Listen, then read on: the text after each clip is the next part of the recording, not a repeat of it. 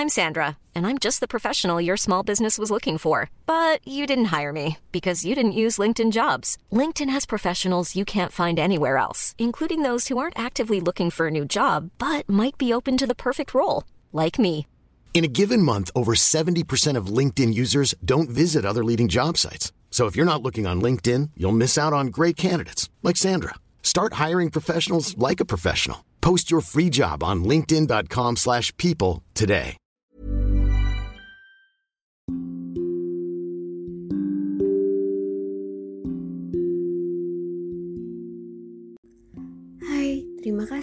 Sudah mengunjungi dan hendak mendengarkan podcast Dongeng Tidur.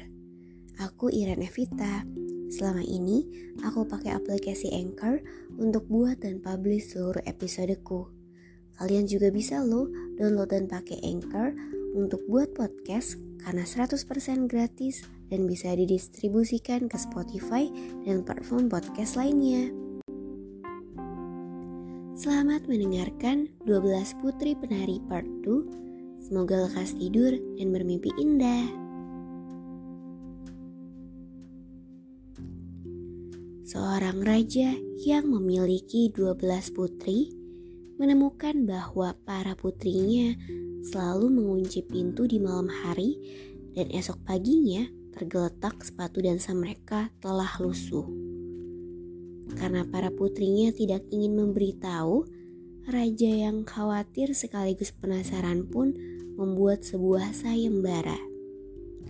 Barang siapa bisa menjawab ke mana para putri raja itu pergi dalam tiga hari, akan bisa menikahi salah satu putrinya dan menggantikannya menjadi raja. Namun, jika setelah tenggat waktu tidak ada jawaban, maka peserta sayembara siapa pun itu akan dihukum mati. Banyak para pangeran dari kerajaan lain yang juga ikut, namun semuanya berakhir pada kematian. Hingga suatu hari, seorang mantan prajurit mendengar sayembara raja kerajaan itu dan di tengah perjalanannya ia bertemu dengan wanita tua asing. Wanita tua yang entah dari mana memberinya nasihat dan jubah kasat mata. Berkat wanita tua itu, berhasillah pria prajurit itu tidak tertidur dan tidak ketahuan oleh para putri saat malam hari. Ternyata, para putri membuka sebuah pintu rahasia, dan mereka tiba di wilayah rahasia yang memiliki istana. Di sana, mereka berdansa hingga subuh. Pria prajurit pun mengikuti petualangan rahasia para putri ini. Pertama, wilayah itu memiliki rerimbunan pohon-pohon besar yang memiliki daun perak. Dan pria prajurit itu mengambil satu batang dengan daun perak itu. Kemudian mereka berjalan lagi dan berpindahlah mereka ke rerimbunan pohon-pohon besar lainnya.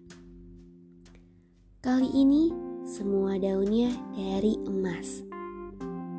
Melihatnya, pria itu tergoda lagi dan mengambil sebuah batang kecil dengan beberapa helai daun emas dan muncullah suara berisik dari pohon. Suara berisik dari pohon yang berasal dari pria prajurit itu membuat putri termuda ketakutan lagi namun, putri tertua menenangkannya lagi. Kemudian mereka pun berjalan lagi dan kini berpindah ke rerimbunan pohon-pohon besar di mana semua daunnya kali ini dari berlian yang berkilauan. Melihatnya, pria prajurit itu pun tergoda lagi dan mengambil sebuah batang kecil dengan beberapa helai daun berlian. Dan muncullah lagi suara berisik dari pohon yang berasal dari pria prajurit.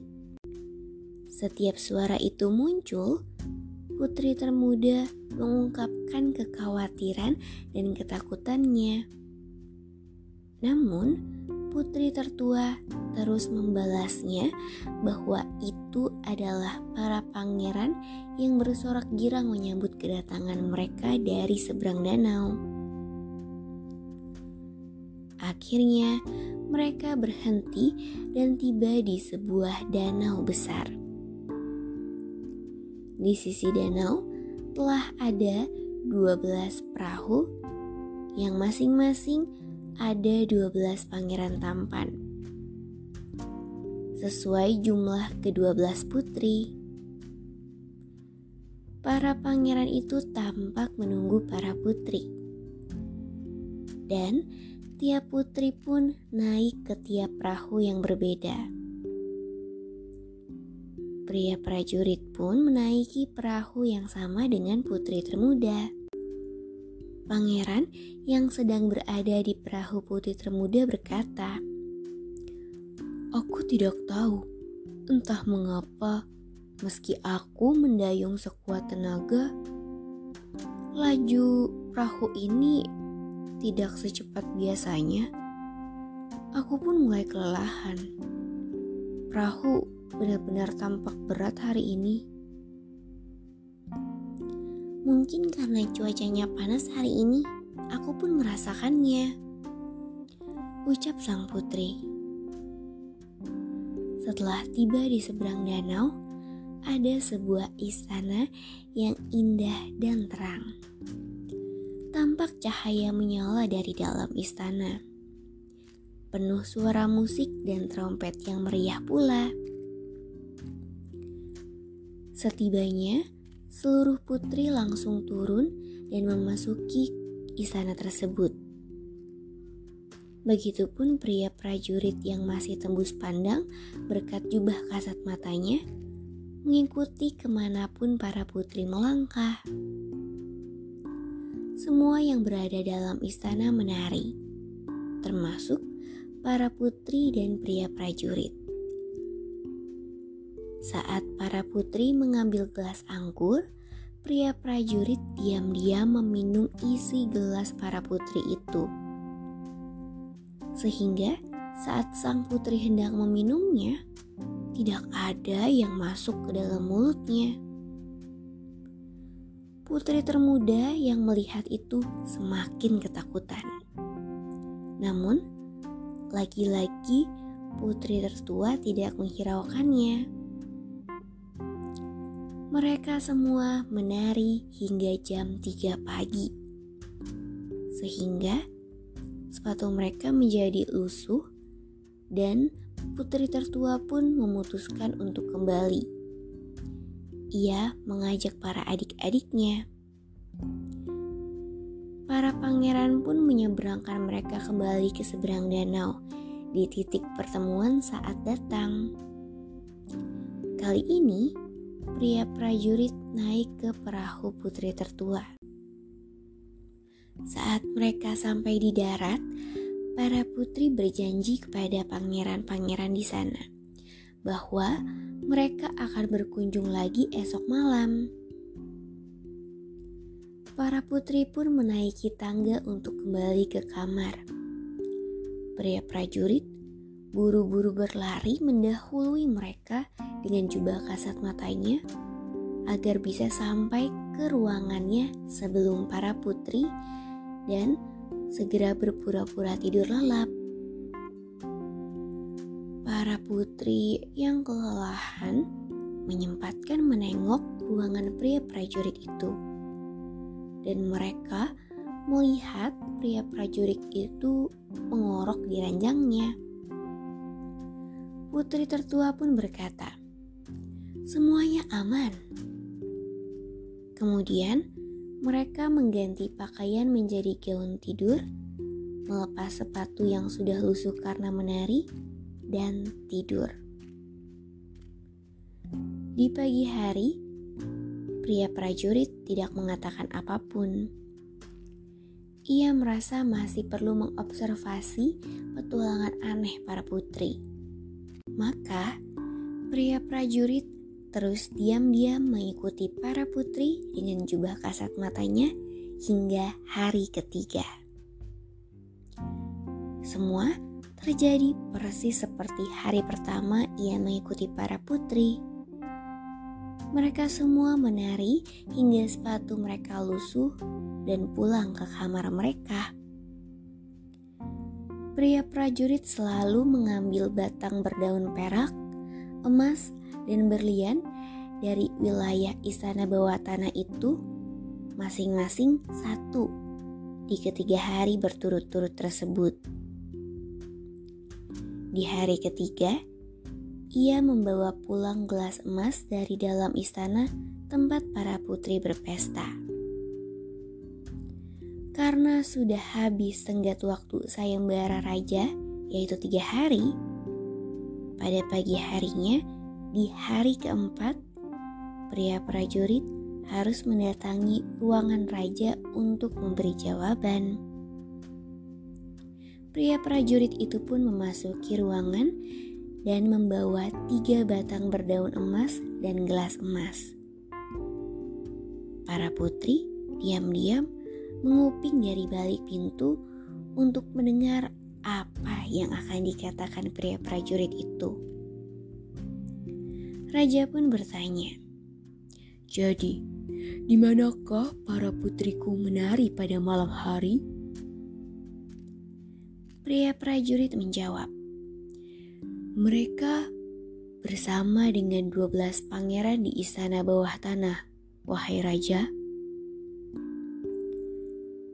Pria prajurit juga menceritakan semua yang ia lihat selama membuntuti para putri tiga hari. Ia juga menunjukkan batang berdaun emas dan gelas emas sebagai bukti pada raja. Raja pun memanggil kedua belas putri.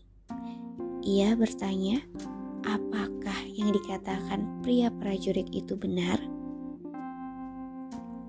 Karena sudah ada bukti, para putri tak dapat mengelak lagi. Dan akhirnya putri tertua menceritakan semuanya dengan jujur. Dengan demikian, pria prajurit memenangkan sayembara raja. Raja pun bertanya, siapa sekiranya yang ia pilih untuk dijadikan istri dari kedua belas putrinya. Pria prajurit menjawab, Aku tidak terlalu muda lagi, Raja. Maka aku akan memilih putri yang tertua. Akhirnya, pria prajurit dan putri tertua raja pun melangsungkan pesta pernikahan dengan meriah.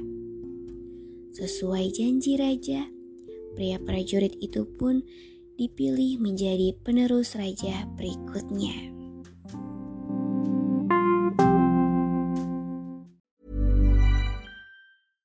Ever catch yourself eating the same flavorless dinner three days in a row? Dreaming of something better? Well, HelloFresh is your guilt-free dream come true, baby. It's me, Kiki Palmer. Let's wake up those taste buds with hot, juicy pecan-crusted chicken or garlic butter shrimp scampi. Mm. Hello Fresh. Stop dreaming of all the delicious possibilities and dig in at HelloFresh.com. Let's get this dinner party started.